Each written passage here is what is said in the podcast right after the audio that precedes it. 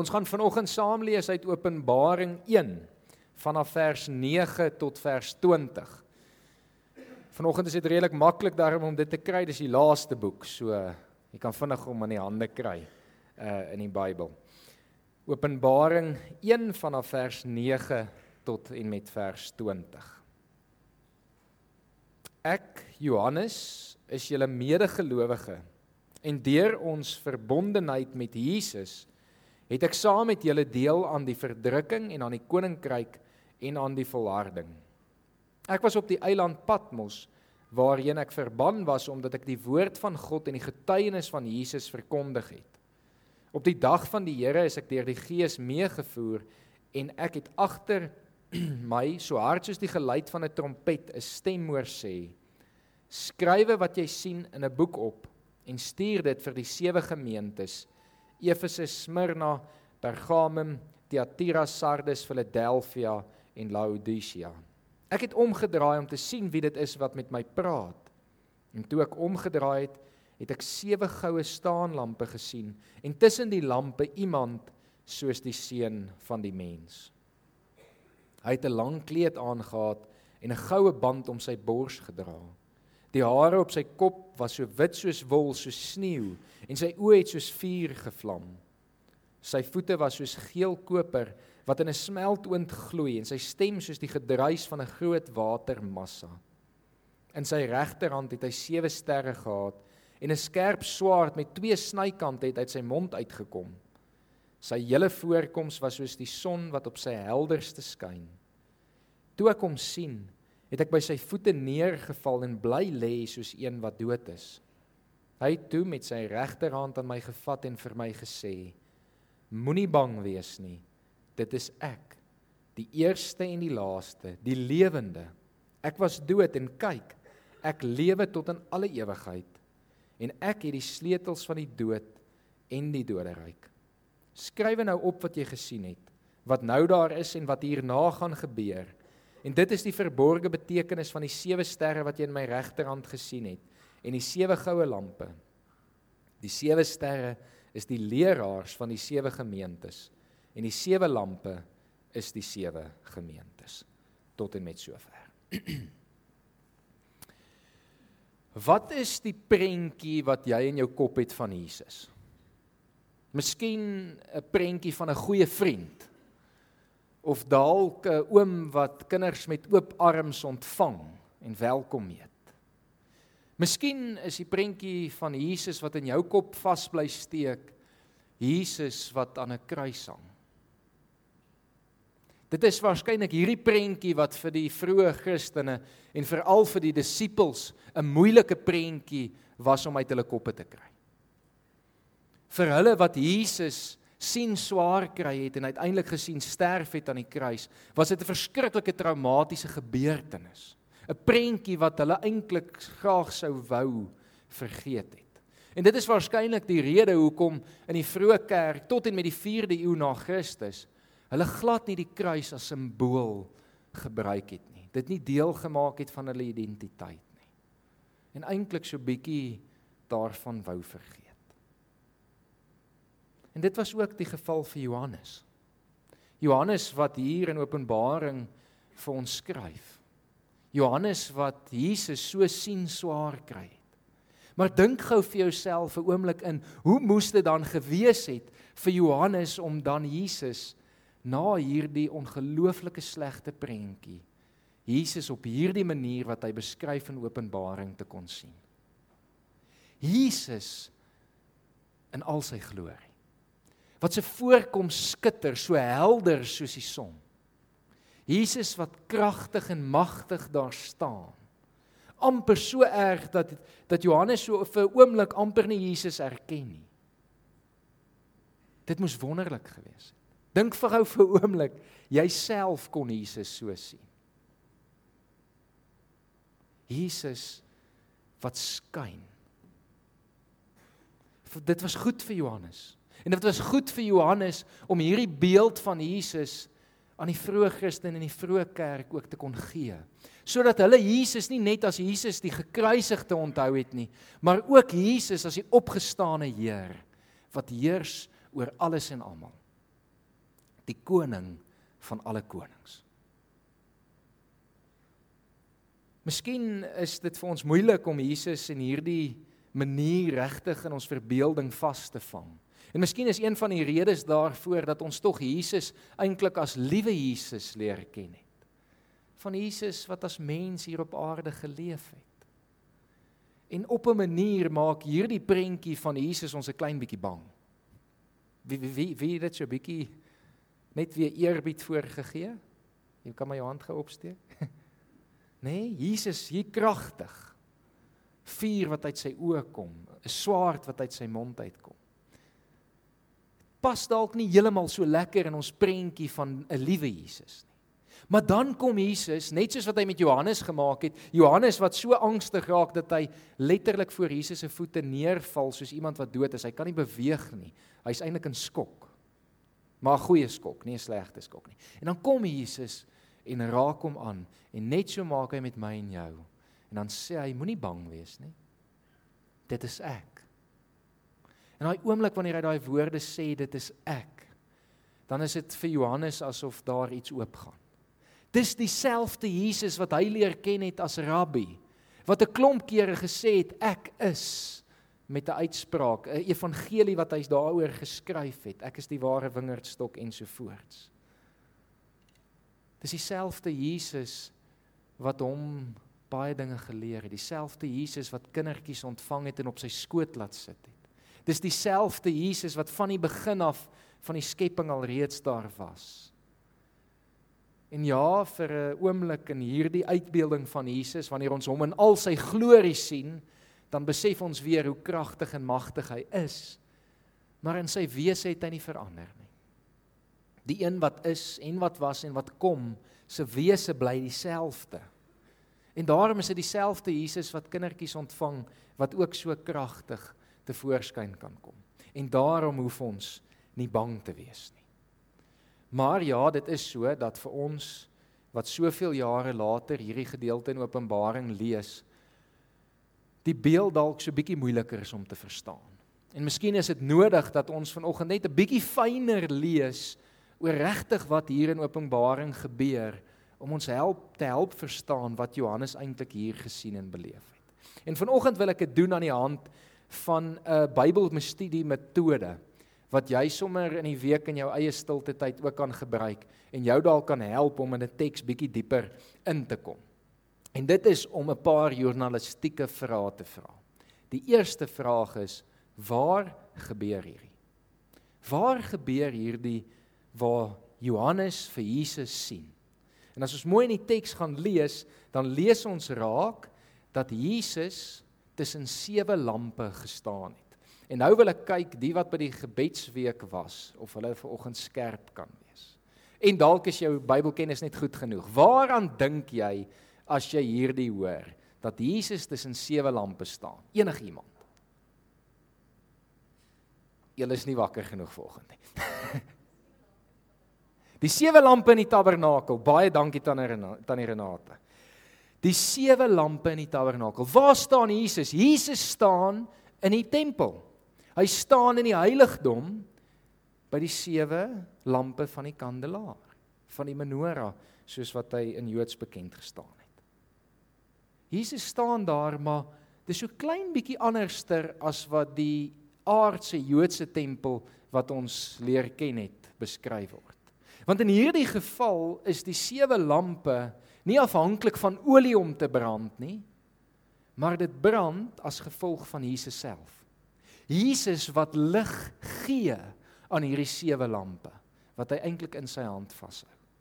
En ons sien later in sy eie verklaring dat hierdie sewe lampe die sewe gemeentes is en ons kan eintlik vanoggend ongelooflik baie daaroor sê van Jesus wat lig gee vir 'n gemeente tot en met vandag vir ons wat daai lig moet laat skyn Maar net vir 'n oomblik want ek gaan nie vanoggend in dit alles kan teruggaan nie. Dink net hoe moet dit vir Johannes gewees het om Jesus hier te sien tussen sewe lampe en hy's 'n Jood, hy verstaan die implikasies daarvan en hy sien hoe Jesus lig gee vir hierdie sewe lampe en dan skielik gaan hy terug na een van die ek is uitsprake van die evangelie wat hy geskryf het.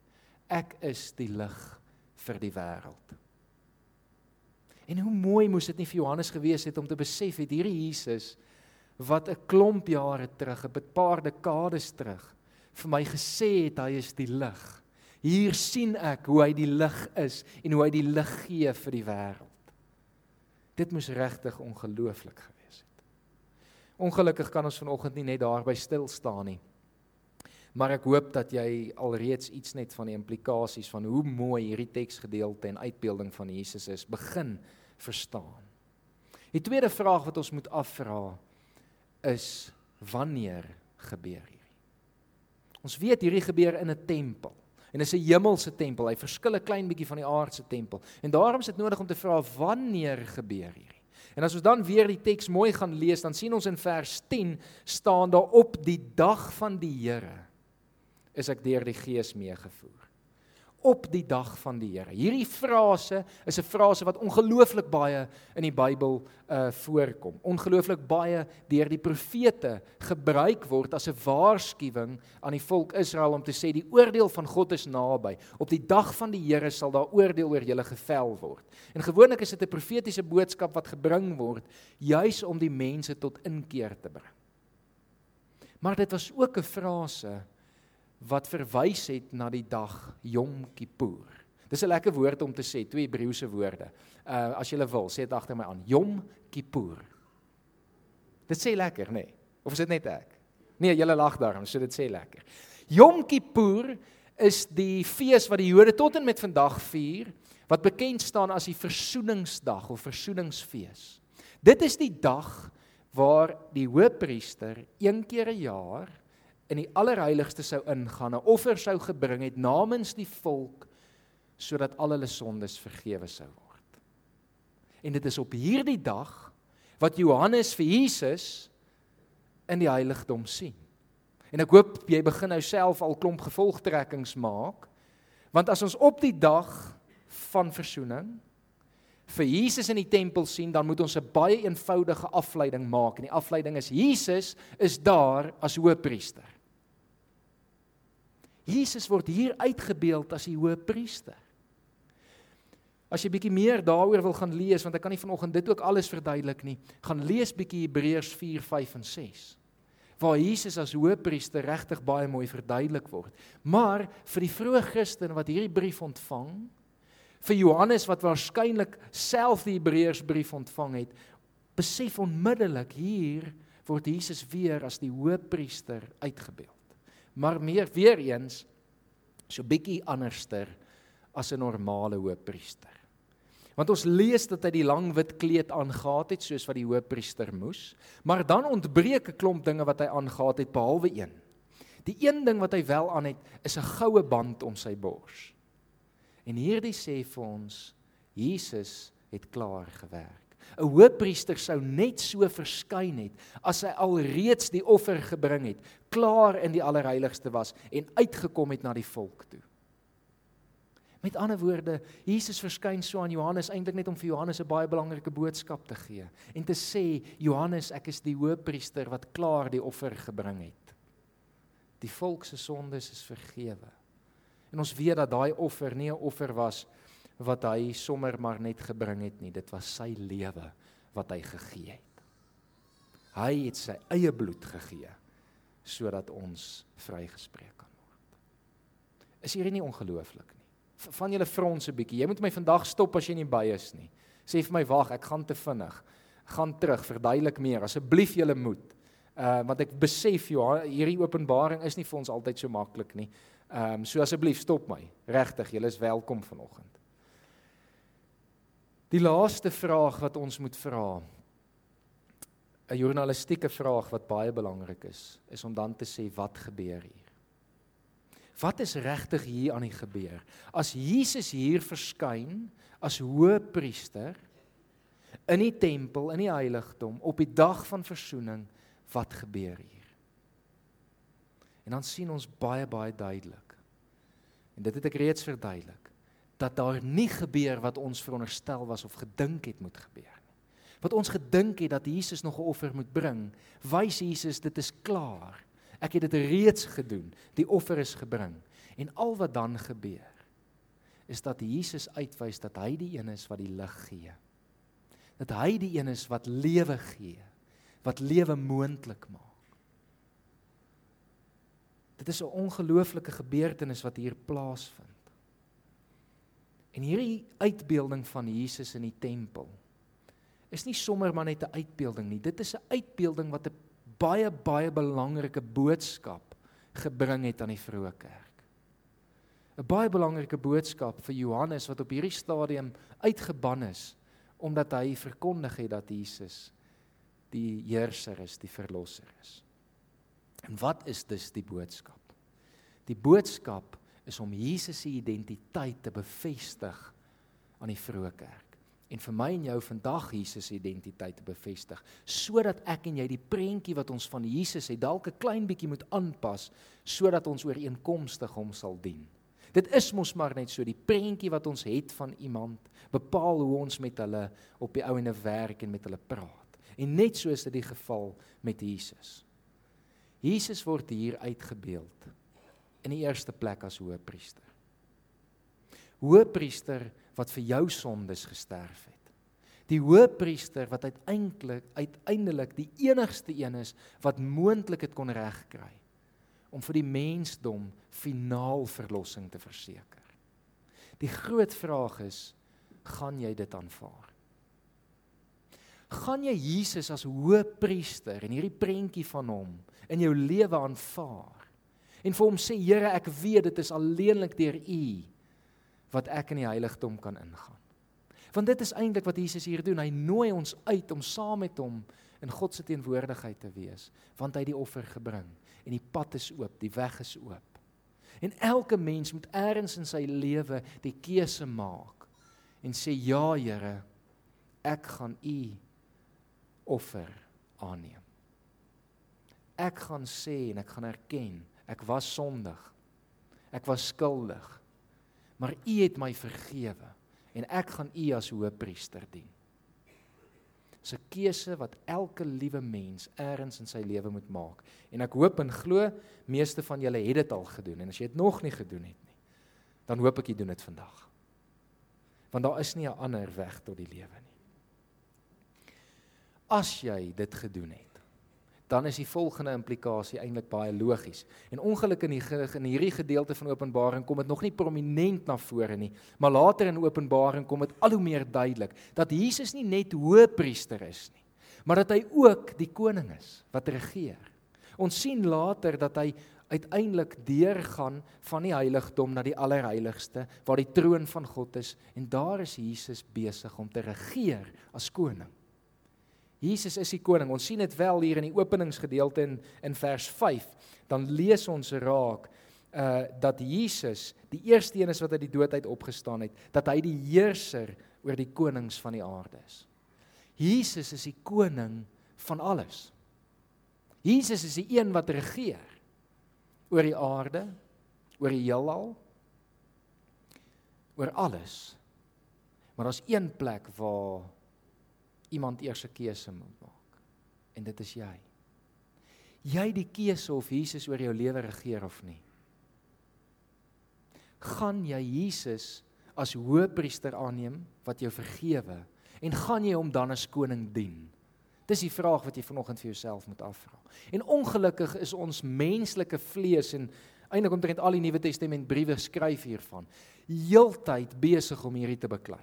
En jy gaan dit in jou eie lewe agterkom. Ons is heeltyd besig om te probeer beheer terugneem. Heeltyd besig om self planne te maak, self te bekommer, self besig te wees met 'n klomp dinge. In plaas daarvan om te sê Here, U is koning, ek gaan U dien. Hoe doen jy dit? In die eerste plek is dit deur gebed om elke oggend op te staan en te sê Here, ek gee myself oor aan U Gees. Paulus skryf dit baie mooi in Galasiërs: Laat julle lewe deur die Gees beheer word. En as ons dit doen, dan dien ons Jesus as koning. Want ons laat toe dat hy in ons lewe regeer deur sy gees wat in ons woon. Dat die Heilige Gees in beheer is en nie ek en jy nie. Jy die keuse of jy dit gaan toelaat of nie. Dit begin met 'n daaglikse gebed waar jy vir die Here sê: Here, neem beheer. Ek wil U dien. Die tweede baie belangrike ding is as jy dit doen, en miskien kan jy jouself vanoggend maar afvra, is jou lewe dan 'n lewe van diensbaarheid teenoor jou koning? Is jy besig om regtig die Here te dien deur jou lewe? Of getuig jou lewe van ek dien myself? Wat vir my lekker is, wat vir my goed is, waarvan ek hou, wat ek wil doen, wat ek wil bereik, is dit waarop jou gedagtes gefokus is of is jou gedagtes gefokus op Here, u koninkryk. Waar kan ek vandag u koninkryk dien? Waar kan ek u koninkryk uitbou? Waar kan ek vertel vir iemand dat u die koning is? Hoe lyk jou prioriteite? Want jou prioriteite gaan vir jou uitwys wie jy as koning dien. Jouself of vir Jesus? Daar's natuurlik nog ander konings wat ons ook in ons lewens dien. Waarskynlik geld die een wat die grootste is waarvan Jesus ons teen gewaarsku het. In Jesus se hele bediening waarsku hy nie teen enige afgod behalwe geld nie. Dis nogal skrikwekkend, né? Jesus het geweet dis dalk die een wat ons harte gaan steel. Dat ons eintlik uiteindelik geld dien en nie hom nie. Maar die tweede een en dit het hy daarom ook aangeraak is onsself. Jy moet in jouself sterf Anders gaan jy nie Jesus as koning dien nie. Daar gebeur hierdie ongelooflike ding in Openbaring 4 waar ons lees dat die 24 ouderlinge rondom die troon van God sit. Hulle elkeen het 'n kroon op. 'n Kroon beteken hulle is konings. Interessant, nê? Nee? Dat die ouderlinge as konings ook uitgebeeld word. Maar dan moet ons sien wat doen hulle? Hulle gaan en herhaaldelik heeltyd heen en weer het hulle hierdie aksie waar hulle krone afhaal, dit neersit en dan kniel voor God. En ek dink daai simboliek is nie maar net simbolies van iets wat eendag gaan gebeur in die hemel nie. Ek dink dit is vir ons om uit te wys wat ek en jy elke dag behoort te doen. Dis 'n aksie wat ek en jy heeltyd moet doen deur simbolies ons krones af te haal en te sê ek is nie koning oor my eie lewe nie. Ek lê dit neer, ek kniel voor God en ek erken hom as koning en ek laat toe dat hy my lewe regeer. Ek kan jou verseker, dit gaan in elk geval beter gaan. Julle weet dat wanneer 'n regering bietjie droog maak, dinge skeefloop, nê? Nee. Ehm um, as jy in Suid-Afrika bly, dan kan ek nie dink dat jy dit nog nie agtergekom het nie. Maar weet jy wat? Presies dieselfde is waar van jou lewe. Jy is nie in staat om jou eie lewe te regeer nie. Net so min soos 'n regering in Suid-Afrika in staat is, so min is jy in staat om jou eie lewe te regeer. En ek hoop nie jy voel te beledigend dat ek jou vanoggend vergelyk het met die ANC nie, maar in God se oë is dit hoe sleg ons is. Ons kan nie ons lewe regeer nie. En die beste wat ek en jy kan doen is om dit te erken en dan vir hom te gee wat wel in staat is om ons lewens te regeer vir hom te sê Here vat U beheer. Ek vertrou U. Ek dien U. Die laaste een en hierdie een is ongelooflik vir my. Ehm um, as dit so is dat jy Jesus as hoëpriester aanvaar het wat jou vrygespreek het en jy begin hom as koning dien, dan staan 'n baie logiese stap wat moet volg. En dit is dat jy na hom moet luister. Jesus word ook hier in Openbaring 1 as 'n profeet uitgebeeld. En dit is so 'n bietjie 'n baie fyn lees vir ons om dit raak te sien. En ek gaan vir ons net daai een frase lees wat dit eintlik vir ons uitwys. Uh nou moet ek hom net vinnig kry.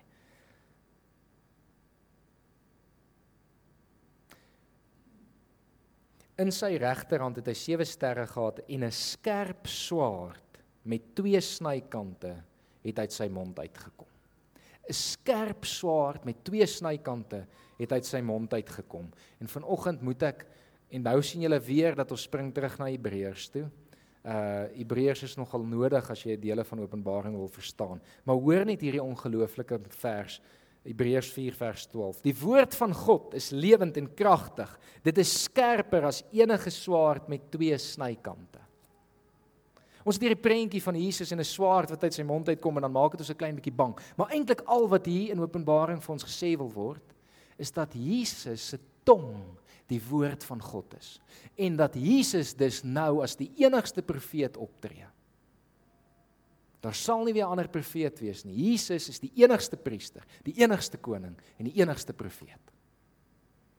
En ons moet luister na dit wat hy vir ons sê. En gelukkig het hy vir ons 'n geskrewe vorm van sy woord gegee. Die vraag is as Jesus dus jou profeet is, wat maak jy met die woorde wat hy vir jou gee? Hoe ernstig neem jy dit op? Hoe gereeld lees jy dit? Luister jy daarna? Maak jy regtig tyd om dit nie maar net so half van die slaap met een oog deur te lees nie, maar regtig dit te internaliseer? Want is 'n groot verskil om 'n gedeelte te lees en toe te laat dat dit in jou lewe inspraak het. Daarvoor moet jy konsentreer, moet jy Bybelstudie doen, moet jy regtig moeite maak om onder leiding van die Heilige Gees te bid en te sê Here, praat met my. Laat hierdie woorde, hierdie verse nie net iets word bly wat op geskrewe papier is nie, maar laat dit in my lewe regtig 'n verskil maak. Mag dit by my opkom die volgende keer wat ek kwaad raak. Mag al die verse wat daaroor praat ewe skielik in my in my gedagtes wees om te sê moenie kwaad raak nie. Moenie sondig nie. Ensovoorts. Mag die woorde van Jesus regtig in jou lewe inspreek. Ek het vanoggend begin om vir jou te vra wat is die prentjie wat jy van God het? van Jesus het. Hierdie gedeelte van Openbaring skep vir ons 'n prentjie van God van Jesus om uiteindelik uit te beeld wie hy is. En die uitbeelding is baie eenvoudig. Hy is priester, hy is koning, hy is profeet. Hierdie is 'n beeld van Jesus en sy identiteit wat nie net in Openbaring voorkom nie, maar eintlik reg deur die Bybel, reg deur die geskiedenis. Ons sien dit al reeds en ek gee maar net een voorbeeld vanoggend by Jesus se geboorte. Wanneer die wyse manne vir hom drie geskenke bring. Hulle bring vir hom goud wat vir konings gegee was. Hulle bring vir hom wierook wat priesters gebruik het en ons sien dit ook later in Openbaring om te brand in 'n tempel. En dan laastens gee hulle vir hom mirre wat gebruik was vir profete wat gesterf het. Jesus is koning, priester en profeet is hy dit van jou lewe? Gaan jy vanoggend hierdie prentjie so klein bietjie aanpas en toelaat dat dit in jou lewe begin inspreek? En dat jy bietjie met hom anders begin werk op grond daarvan. Ek hoop so, ek hoop dit sal die geval wees. Mag dit so wees. Kom ons bid saam. Here, dankie vir hierdie gedeelte van Openbaring. Here, dankie vir U wat kragtig en magtig uitgebeeld word, Here sodat ons kan weet vandag U is nie net 'n gekruisigde Jesus nie, maar U is 'n opgestane Heer wat heers oor alles en almal. Here, ons kom vanoggend na U toe en ons kom sê, Here, U mag oor ons lewens ook regeer. Dankie dat U bereid was dat U gesterf het in ons plek, dat U die offer gebring het sodat ons kan lewe. Here, ons kan nie eintlik die liefde wat U vir ons gehad het daar en op enige ander manier teruggee as om ons lewens weer in beheer van U te plaas nie. Here, dis die fondasie van ons geloof. Dit is waarop ons lewe gebaseer is. En Here, daarom wil ons U dien. Daarom wil ons na U woord luister en kom vra ons Here dat U as profeet ook in ons lewens werklik inspraak sal hê. Dat ons nie net die woorde sal hoor nie, maar dat ons regtig dit ook sal gaan doen. Here, dit wat ons hoor, dit wat ons luister, dit wat ons lees, nie net sal vergeet die oggend na ons gelees het nie, maar Here dat ons dit deur die dag met ons sal saamvat. Here dat ons hierdie woorde regtig in ons lewens sal toepas op so wyse. Here dat u heerlikheid daaruit sal straal. Dat mense sal sê, "Maar hier's iets anders onder die lidmate van Harry Smit." Hulle leef werklik die woorde van Jesus en ons sien Jesus deur dit wat hulle doen en dit wat hulle sê. Here, dit is ons gebed vanoggend. Mag U in elkeen van ons werk. Mag U deur die Gees in ons harte en ons gedagtes werk. Help ons om daar waar ons sukkel om oor te gee, Here regtig die realiteit te besef dat daar nie 'n ander manier is nie. Here help ons om nie verder vas te hou en vas te klou aan ons eie lewens nie, Here, maar dit met vrymoedigheid in U hande te plaas. Dankie dat ons dan kan weet dat ons veilig is. Here dat ons lig het en dat U deur ons lewens lig in hierdie wêreld sal uitstraal. Ons bid dit in Jesus se naam. Amen.